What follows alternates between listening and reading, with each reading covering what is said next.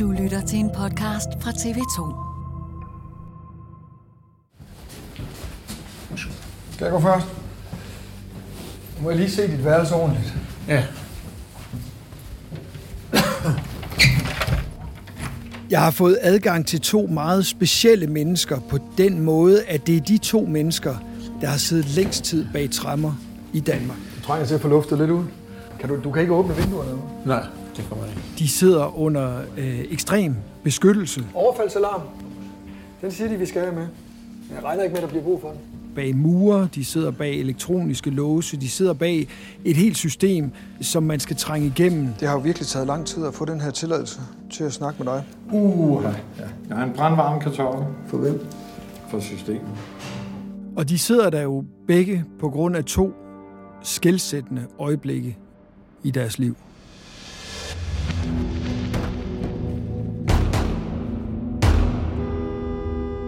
En taxachauffør ligger foroverbøjet hen over rattet på vogn 329. Motoren brummer stadig i tomgang. Vi er ved Morbærhaven i Albertslund, og det er morgen den 19. oktober 1985. Der har lige lyttet tre høje brag i kabinen. Blodet løber ud af tændingen på taxachaufføren, Kurt Gorn Larsen. Og i hans hofte har en patron også boret sig igennem hans tøj. Et tredje skud har efterladt et hul i højre siderode. Og på bagsædet sidder en mand ved navn Seth Setsen. 30 år gammel. Mørkt, halvlangt hår. Overskæg. Solbriller. Og med gerningsvåbnet i hånden. Jeg hedder Seth Setsen Nielsen. Jeg er livstidsfange. Seth Setsen, han har siddet i omkring 38 år bag træmmer på grund af det her taxamor. Jeg plejer at sige doing time. Og det kun er mit, mit hylster, der sidder her. Umiddelbart efter det skete, så blev Seth Setsen beskrevet som en koldblodig og farlig mand. Og efterfølgende har han så været lidt af en mystiker. Jeg bruger meget af min fantasi, forestillingsevne på, hvordan universet er. Lidt af en mystisk person. Rejser rundt ind i universet. Jeg er et lille mikrokosmos. Seth Setsens lange afsoning er kun overgået af én person, og det er Naum Konevski, som øh, begik dobbeltdrabet på Femøren i 1984, altså for 39 år siden.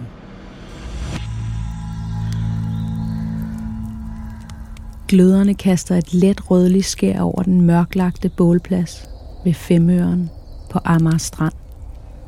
Det er natten til søndag den 20. maj 1984. Ved bålpladsen ligger der tæpper, soveposer, tomme colaflasker og skateboards. Tre unge drenge har kamperet natten over, og to af dem, Rico og Brian, ligger nu på maven ved siden af hinanden. De er begge to blevet skudt i hovedet på klodshold. Over dem står Naum Konevski, 36 år fra Nordmakedonien. En mørk skikkelse, mørkt hår med høje tændinger og sideskilning, med pistolen i hånden. Øh, Jeg hedder Neum Konevski. Jeg er dømt for drab. Øh, Jeg er dømt for voldtægt og røveri. Naum Konevski øh, har været en berygtet fange i mange, mange år. Den forbrydelse, han blev dømt for, var ekstremt brutal. Efterfølgende er han så blevet beskrevet som den farligste fange i Danmark. Så du har rekorden, kan man sige. Og nu er han den længst siddende fange. 39 år i fængsel. Ja.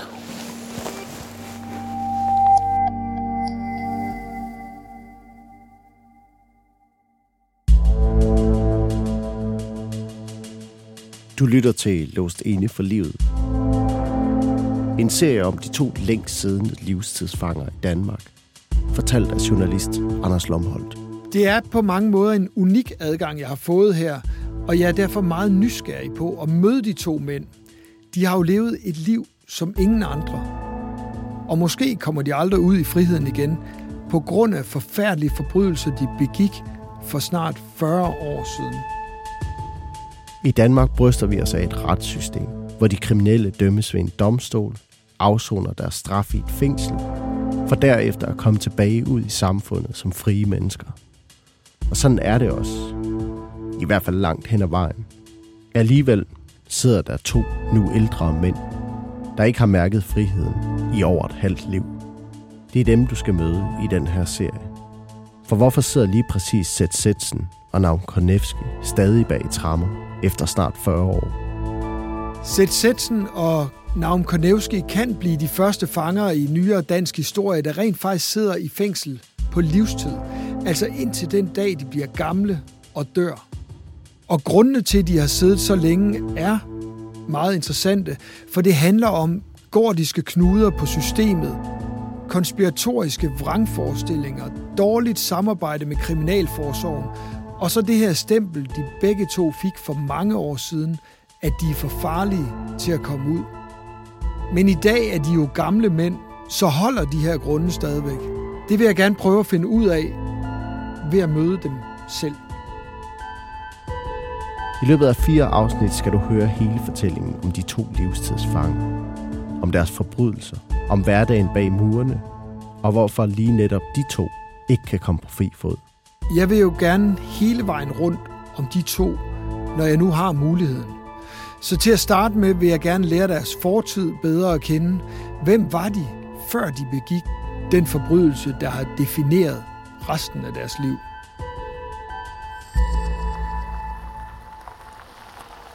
Vi starter på Psykiatrisk Center Sankt Hans ved Roskilde Fjord. På den retspsykiatriske afdeling. Jeg ankommer til Sankt Hans, og udefra set ligner det et meget stilfærdigt sted, altså nogle fine gamle bygninger, naturskønt. Da jeg ankommer til den afdeling, som Konevski øh, sidder på, så er det sådan, sådan en form for diskret sikkerhed. Der er ikke nogen døre, der står åbne her. Konevski han blev jo i sin tid idømt en helt almindelig straf til fængsel, livstid. Men øh, der går så nogle få år, og så bliver han erklæret sindssyg og kommer så øh, ind i psykiatrien øh, allerede efter tre års afsoning. Og der har han sådan set været lige siden.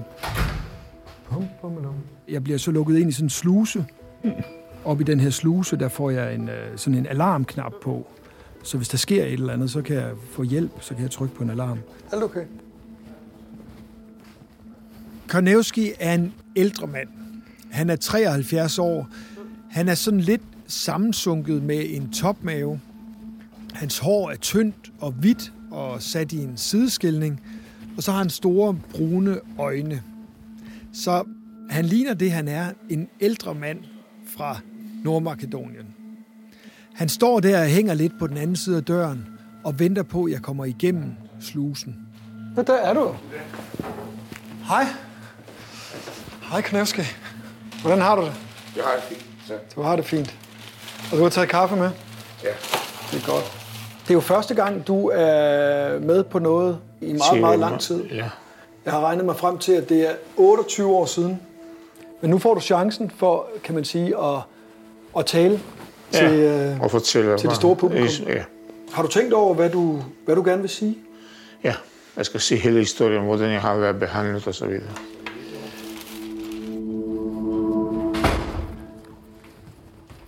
så kommer jeg jo så ind og ser hans værelse, og øh, han er meget stolt over, at han har det bedste og det største værelse på, øh, på den her lukkede afdeling. Og det er så, fordi han har siddet så længe, så han, ha, han har haft mulighed for at, at vælge det bedste. Nå, men kan du godt lide citronmåne? Ja, det kan jeg godt. Mm. Hvis det ikke er. Og så disker han op med det helt store øh, kaffebord. Kaffe på kanden, juice, øh, kage. Konevski, vi, vi, skal- vi skal bare nøjes med to stykker. Just. Det er helt tydeligt, at det her kaffebord, det er en vigtig begivenhed i hans liv. Det er meget, meget sjældent, han får besøg, og han vil gerne være verden, der, der giver. Og det er næsten vigtigere for ham, end, øh, end at få taget hul på det interview. Prøv at vise mig dit værelse. Jeg vil gerne se, hvordan du bor. øh, så er tøj Okay, fint sammenfoldet. og den anden, det kan ikke åbnes. Du har mere orden i dine ting, end jeg har. Og, Og du har kufferter her. Hvor hvor jeg har, jeg skal bare pakke det. Er det, øh, er det også, hvis du skal, hvis du skal hjem til Nordmakedonien? Ja. Ja, Kan du så have dine ting i de kufferter, måske. så de er klar? Ja. Det er et ret stort, rummeligt værelse, hvor der er en seng, der er et fjernsyn, der er et skrivebord, og over det skrivebord, der hænger alle hans øh, familiebilleder. Ja, jeg skal lige se. Billeder, der fortæller om Konevskis fortid. Må jeg prøve at se det her kort Ja, fra Ohrid? ja, Må jeg se det? ja. Før det hele gik galt. Så det er din hjemby, Det er min hjemby. ja. Ohrid. Ja.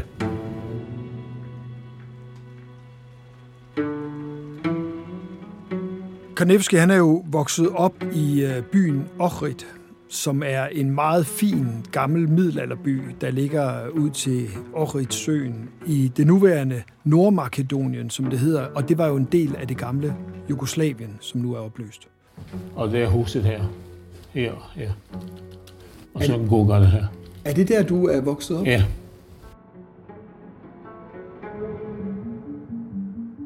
Han kommer fra en fattig familie, og ligesom mange andre østeuropæere dengang, så rejste han som 18-årig til Danmark for at prøve lykken, og for at kunne sende penge hjem til familien. Så i sommeren 1968 lander han på et hostel på Frederiksberg, og får ret hurtigt arbejde som ufaglært på forskellige fabrikker. Og her kan jeg se, jeg var gift. Det det står er bogen. bryllupsbilledet. Ja. Ja. Få år efter han er kommet til Danmark, der finder han en kone. Altså han forelsker sig i en, øh, i en kvinde i sit hjemland på en ferie der. Og øh, Vesa, som hun hedder, kommer med til Danmark. Altså, hvor blev I gift hen? På ambassaden. Her i København. Her i København i i Slaviske ambassade. Og de øh, etablerer et familieliv. De får børn. Øh, de får i alt tre børn. Og der på det tidspunkt, der ligner det simpelthen bare en meget vellykket øh, indvandrerfamilie, der, der starter på et, et liv i Danmark. Det er min øh, barnebarn. Så tre børn har du. Tre To børn. voksne kvinder og en mand. Og en mand. Ja. Og så har du tre børnebørn. Tre barnebarn. Ja. På et tidspunkt begynder tiderne at skifte. 27 år. Konevski er 27 år, da oliekrisen sætter sit præg på det danske arbejdsmarked. De gæstearbejdere, der kom hertil, bliver pludselig til fremmedarbejdere, og stemningen mod dem ændrer sig til at blive mere fjendtlig i takt med, at arbejdsløsheden stiger. I den her periode i start 80'erne ernærer Konevski sig som taxachauffør. Det er min bil. Jeg har købt for 30.000 kroner. Det er en gammel taxa. Gammel taxa, ja. Det er også i den periode, der begynder at, at ske nogle ting med, at han kommer i konflikt med politiet.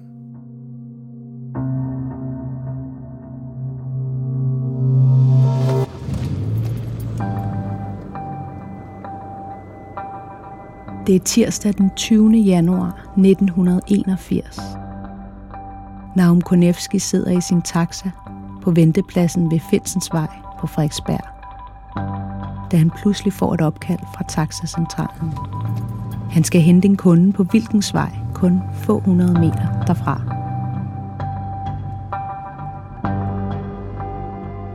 Konevski dytter, da han parkerer foran det røde murstensbyggeri. Lyset i opgangen tændes, og kort efter kommer en 42-årig kvinde ud og træder ind i hans taxa. Klokken er lidt over 9 om aftenen, da de kører mod Snækkersten i Nordsjælland. Der bliver ikke sagt ret meget på den forholdsvis lange tur, men Konevski fortæller kvinden, at han er græker. Det er en hvid løgn, han bruger fra tid til anden. Det er som om det falder i bedre jord, end at sige, at man er fra Jugoslavien.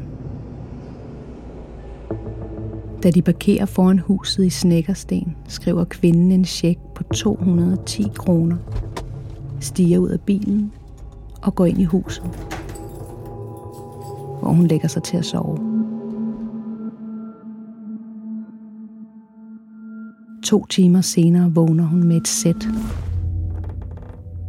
Ved siden af sengen står en skikkelse og lyser hende ind i ansigtet med en lommelygte.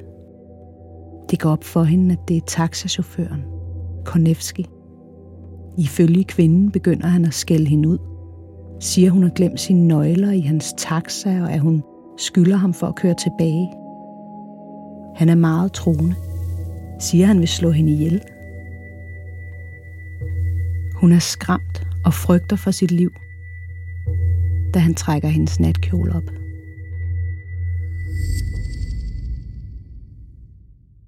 Den her kvinde ringer så til politiet og anmelder en voldtægt.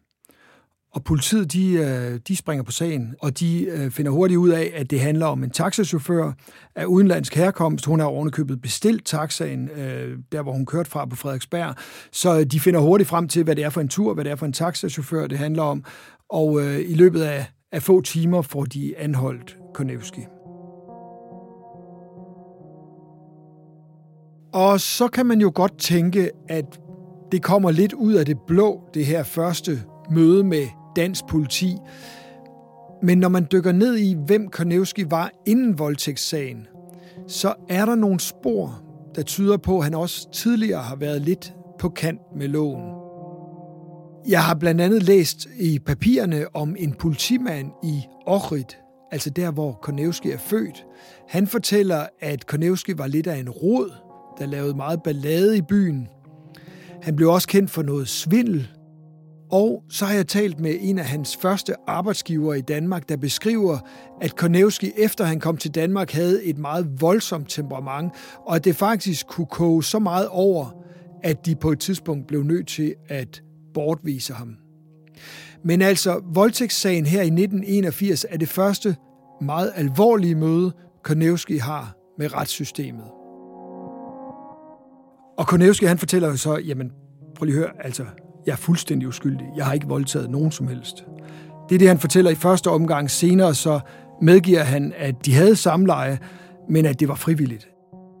Men hvor alting er, så ender det jo med, at øh, der kommer en retssag, og Konevski han bliver idømt to og et halvt års fængsel for voldtægt, og han bliver så, øh, han bliver så sat i fængsel, og øh, i løbet af meget kort tid bliver han meget, meget ustabil. Altså, han begynder at græde og være vred og råber og skriger og er helt ude af sig selv. Og betjentene, de ved ikke rigtig, hvad de skal stille op med ham. Der bliver skrevet flere indberetninger, og der bliver koblet læger på. Og efter noget tid, så er der simpelthen en psykiater, der siger, at den her mand kan ikke tåle at sidde i fængsel. Og det ender så med, at de lukker ham ud, efter han har afsonet omkring halvdelen af sin straf, hvilket er meget usædvanligt.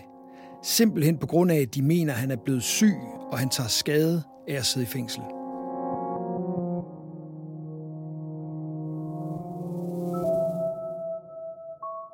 Og man kunne så tro, at han blev lettet over det, men det gør han ikke. Han kommer hjem, og, og hans, hans liv bryder ligesom sammen. Han mener, at det dybest set handler om nogle racistiske danskere, der mener, at han skal, han skal dømmes og afzone en, øh, en forbrydelse, for, altså en straf for, for voldtægt, som han aldrig har begået. Så han, han bliver så vred og begynder at skrive og sige til forskellige folk, han møder, at han vil slå danskere ihjel, og han, vil, han, han truer, og han, han bliver meget, meget vred og bitter på danskerne. Og så sker der jo det, at øh, Ekstrabladet, to journalister fra Ekstrabladet, begynder at interessere sig for hans historie, og de graver i sagen og finder så forskellige, hvad skal man sige, de finder nogle hår i suppen, som gør, at man kan rejse tvivl omkring forurettet, altså den her kvinde, der blev voldtaget, hendes forklaring. Og så genoptager den særlige klageret øh, sagen. Østre Landsret frifandt i dag den 35-årige jugoslavisk fødte taxichauffør Naum Konevski. Han var tiltalt for voldtægt mod en kvinde fra Nordsjælland. Den særlige klageret havde bestemt, at sagen skulle gå om på grund af to nye vidner. Så på det tidspunkt i 1984, der bliver Konevski øh, lige pludselig kendt ansigt i Danmark. Han bliver kendt som udlændingen, der blev, der blev uskyldig dømt, og som langt om længe fik genoprejsning.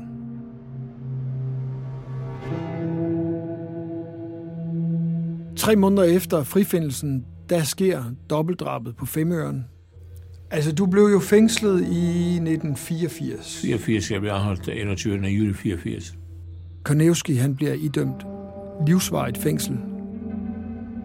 Og fra det øjeblik er hans liv totalt forandret.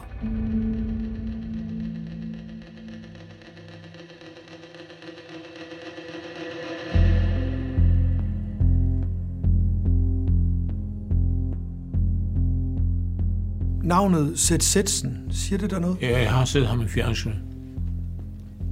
Og jeg har set ham i Pastor Vester fængsel. på Gutsu. Sæt Sætsen, han er den, der har siddet næst længst i fængsel, lige efter dig. Lige efter mig. Sæt Sætsen, han opholder sig jo et helt andet sted end Konevski. Jeg ankommer til Hersted Vester fængsel i Albertslund. På Hersted Vester sidder der nogle af de værste kriminelle i Danmark. Og så kommer jeg så ind i et mødelokale, hvor jeg venter et stykke tid, og så kommer Sæt Sætsen. Så bliver han så gelejtet ind med en, øh, en betjent. Der var du. Hej, Anna. Hej Sæt. Så lykkes det. Ja. Og du ligner en, der lige er kommet fra arbejde. Ja. Men du skal sætte dig der. Ja, det kan jeg godt Øh, nej, ved du hvad, jeg giver dig lige den her på først. Du skal have en øh, mikrofon på. Vi sidder i det her mødelokale. Så det er jo ikke hans celle, det er heller ikke besøgslokale, men altså vi sidder i et, i et mødelokale, og det er egentlig et, et ret bart lokale. Men når man kigger ud af vinduerne, så kan man jo se de andre fanger, der går rundt der. Og så sidder man bare og tænker, nå, der går drabsmanden i den sag, eller der går ham, der slog et lille barn ihjel, eller... Altså, det er nogle vilde straffe, folk sidder indenfor. Vi har jo fået den her øh, afmålte tid, Ja. så må vi se, om vi kan nå det hele igennem. Ja, ja. Det er jo simpelthen vanvittigt svært at tale med sådan en som dig. Nå, Altså for en journalist. Det er meget, meget svært. det er nok, fordi det er mig. Hvorfor tror du, det er så svært? Og som øh, min advokat sagde, ja, det er et tungt system. Og lige præcis med mig, der har de været sådan lidt grove, så alting har været tungt med mig i mange år. Sæt Sætsen, han er, sådan, han er langhåret, og han har øh, du ved, slidte jeans og, og en skjorte, og så har han sådan en lædervest udenpå. Du kan lige få en kop kaffe. Ja, så. Har I noget sukker med? Nej. Han ligner måske en grønlænder, eller måske lidt en indianer. Det tror jeg, sådan tror jeg også godt, han kan lide at tænke på sig selv. Bare lige en teskefuld. Han er egentlig en ret flot mand. Han er sådan, han er sådan meget firskåren. Og så har han sådan nogle dybe fuger i sit ansigt. Og så har han et, øh, et smil ved øjnene. Jeg ved, du har meget på hjertet. Uha, ja. Det. ja. Det vil jeg gerne høre lidt mere om, men måske skulle vi lige spole tilbage. Hvordan synes du, din barndom har været? Jeg havde en fed barndom. Jeg savner den. Ingen bekymringer. Ikke noget.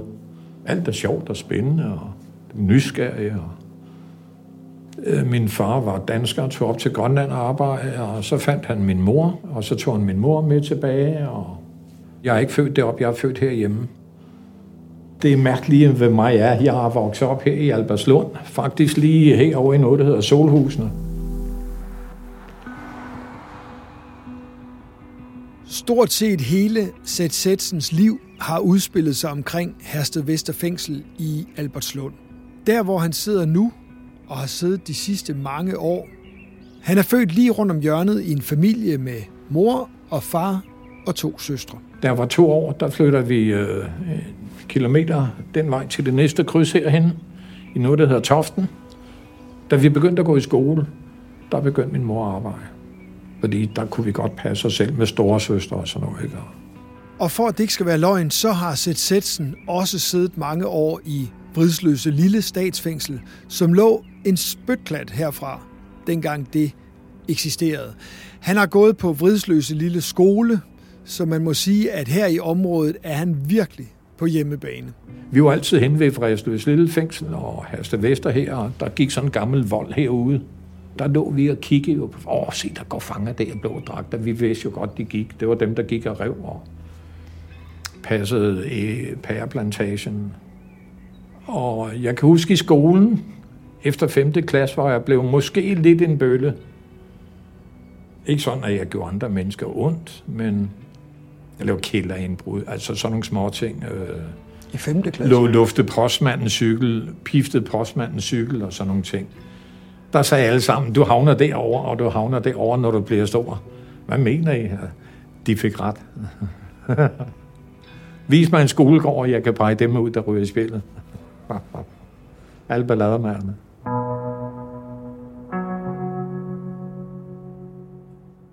Hvad er den første forbrydelse, du bliver dømt for? Det var nogle indbrud. Øh, øh, jeg mener, jeg var, jeg var 16 år der. Jeg stod godt nok i lærer som smeder og tjente lidt mere end de andre lærlinge rundt omkring, men det var ikke nok. Jeg var lidt vild i, øh, ind i hovedet, som andre også har været. Og øh, så slog pengene ikke til. Og hvad gør man så? Øh, der, hvor jeg stod i lærer, der lavede de pengeskab. Men de var stoppet, da jeg kom. Men jeg var jo lige hen og åbnede med koben og kigge, og nå, sådan, okay, så begyndte jeg på det. Og brække pengeskab op? Nej, skære dem op med skærpom. Jeg vidste, hvor jeg skulle skære, jo. De stænger, der går ud til de der, dem så der, palerne, dem skar man bare over først en firkant, og så skar du de der vinkeljern over, eller fladjern, eller hvad det nu var. Så kunne man lige hive. Så er det åbent.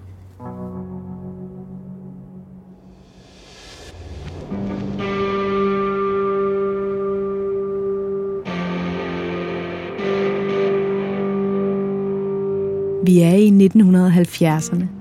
Seth Setsen, eller Helge Nielsen, som han faktisk hedder, er blevet en stor teenager. Som de fleste andre drenge på Vestegnen i 70'erne har han fået sig et øgenavn. Grønlænder Helge kalder de ham. Han er for nylig blevet permanent bortvist fra Fridsløse Lille Skole, så han arbejder bare som smed, og han kan godt lide, at der er gang i den. Ofte er han sammen med vennen Skrøder og den lidt ældre lille Karsten. Du ved, kvarterets ballademager, der ofte ender i fedtefadet for for eksempel at skyde med luftpistoler, hælde benzin på naboernes dyr for at sætte ild til dem. Karsten har også været en tur ind og brumme i Vestre Fængsel. En aften møder Sæt og skrøder tilfældigt Karsten på gaden, tæt på stationen i Albertslund. Lidt ud af det blå samler Karsten pludselig en brosten op fra jorden og tror Sæt han vil have ham med til at begå et røveri i Tostrup. Så han stod med en brosten og troede mig, så sagde jeg, rolig, rolig. Jeg vil godt med, du behøver sikkert tro mig, det skal du ikke gøre. Fordi så kommer vi op og slås. Men øh, så smed han den, og så sagde han, kom, så går vi. Og gik vi hele vejen til Torstrup. Lille Karsten har udset sig et etagebyggeri med butikker, sportstøj, køkkenudstyr og nok en del kasseapparater med kontanter. God Jessen, det var sådan en forretning i tre etager. Da de ankommer til H. Jessen, bliver Sæt sat til at holde vagt, mens Skrøder og Lille Karsten bryder et vindue op og kravler ind. Jeg sad nede i baggården med en håndfuld sten, så hvis der kom nogen, skulle kaste sten op på vinduet. Jeg kunne følge dem, hvor de gik. Over vinduet alle steder, jo.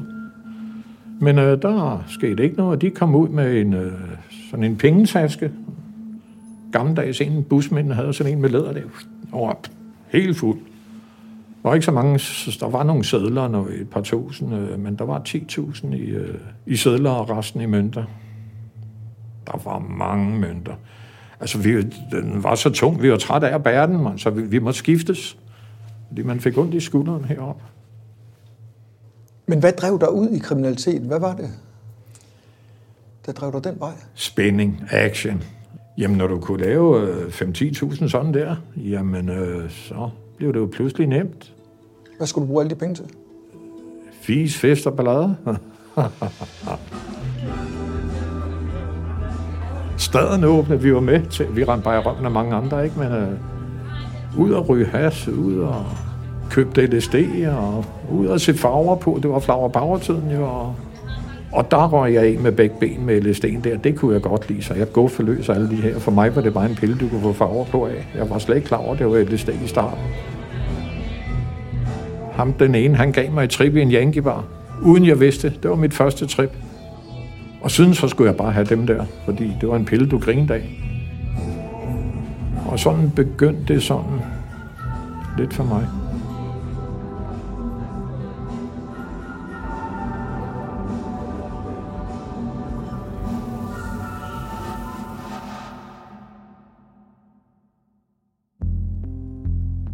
Når jeg hører om Seth Setsens baggrund og ungdom, så er det jo klart for enhver, at han er ude på et kriminelt sidespor ret tidligt. Og han bruger faktisk også en hel del af sin ungdom i fængsel ind og ud i løbet af hans 20'ere, primært for dokumentfalsk, øh, bedrageri og ikke mindst røverier. Også nogle røverier i den hårde ende af skalaen. Og hele den her kriminelle løbebane, den kulminerer, da Sætsen er 30 år gammel. Bang, bang og bang. For det er her, han begår taxamordet. De tre skud i den lille bil der, det rungede i flere timer, og det var ligesom det hele for, foregår i slow motion. Øh, det var slet ikke meningen, det skulle ske.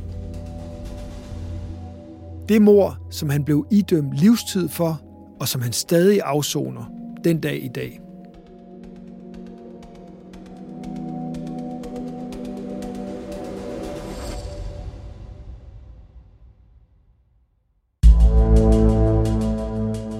Du har lyttet til første del af Låst Ingen for Livet. I næste afsnit dykker Anders Lomholdt ned i de to forbrydelser, der for over 40 år siden sender Sætsen og Nam Konevski bag trammer. Og der rører det tredje skud af. Bang! Det skal handle om retssagerne, beviser og strafudmåling. Og hvordan de to livstidsfanger selv forholder sig til deres handlinger i dag. Dengang forbrydelsen skete på Amager dobbeltdrabet, der ledte de efter en, de kaldte fløjtemanden. Ja, men jeg kan ikke fløjte. Jeg kan ikke fløjte.